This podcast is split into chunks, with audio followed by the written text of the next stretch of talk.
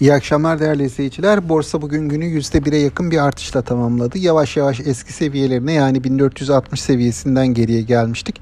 Oraya doğru bir hareketlenme var.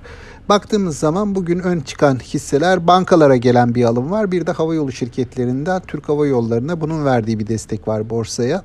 Şimdi öncelikle bankalar tarafında başlayacak olursak bugün aslında resimde çok fazla bir değişiklik yok. Yani ne olmuş olabilir borsaya gelen e, yatırım talebinin arkasındaki faktörler. Burada biraz yapı kredi var. Yapı kredi malum geçtiğimiz haftalarda MSCI endeksinden çıkmıştı.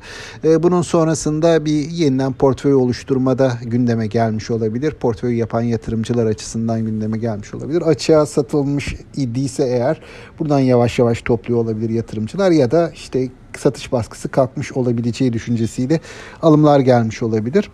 E, hava yolları tarafında e, bu Sinovac aşısının Dünya Sağlık Örgütü'nce kullanımına onay verildiği haberleri çıktı geç vakit. E, banka e, hava yolu şirketlerine bu haber üzerine alımlar geldi.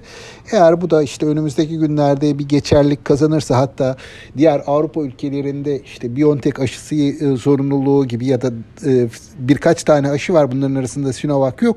Bu aşı da e, bu ülkelere kabul edilecek aşılar arasında sayılırsa o zaman önümüzdeki günlerde de buna ilişkin olumlu haberler görebiliriz.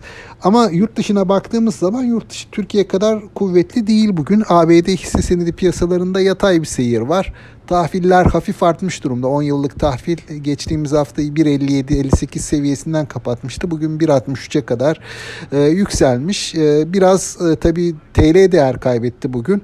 E, geçen hafta sonu vergi ödemeleri nedeniyle bir miktar e, TL'nin güçlendiğini görmüştük haftanın son gününde. Ama bugün yeniden hani e, bir sanıyorum 8.50'nin evet 8.51 civarı şu anda üzerine çıkmış.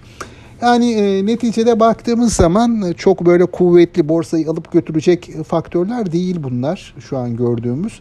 E, ama şu da var e, bazı hisseler bazı sektörler ki bankalar başta geliyor e, çok dip seviyelerde. Hani bu seviyelerden niye alındı, e, burada beklenti nedir diye sorulacak e, bir yerde değil. O kadar ucuz e, duruma geldi ki bankalar. Hani bu sene değil belki ama önümüzdeki sene buradan toparlar diye alan yatırımcılar da olabilir. Benim tahminim hani bu hisse bazlı hareketin içerisine bankaların katılmış olması olumlu. Umarım hani devam da eder çünkü çok ucuzlamıştı fiyatlar. E, ama hani e, kar realizasyonları da gelir bu piyasada. Çok kuvvetli bir halde beklememek lazım. E, yani bu e, hisse hareketlerini gördüğümüz e, temanın olumlu olduğunu düşündüğümüz anda e, buradaki hareketin içerisinde temkinli bir şekilde yer alınabilir diye düşünüyorum. Bu yazın e, öne çıkan temaları olarak da onu sık sık vurguluyoruz. İşte bu e, COVID-19 kısıtlamalarının kalkması, turizm sektörünün toparlanmaya başlaması gibi bir tema ön planda. Ee, yine e, bu emtia hisseleri veya emtia üzerine iş yapan hisseler yani demir, çelik, petrol, petrokimya gibi küresel toparlanmanın hikayesi satın alınabileceğini düşünüyoruz. E, bankalarda ucuz ve dip seviyeler var. Burada belki bir halli olmayacak ama dip seviyelerden yatırımcıların aldığını görürüz, göre, görebiliriz diye tahmin ediyorum.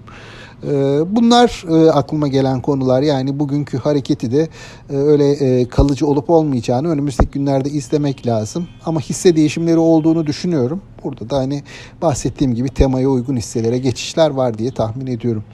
Aktaracaklarım bunlar. İyi akşamlar diliyorum tüm yatırımcılara, izleyicilere. Sağlıklı, bol bereketli, kazançlı günler dilerim. Yeniden görüşmek üzere.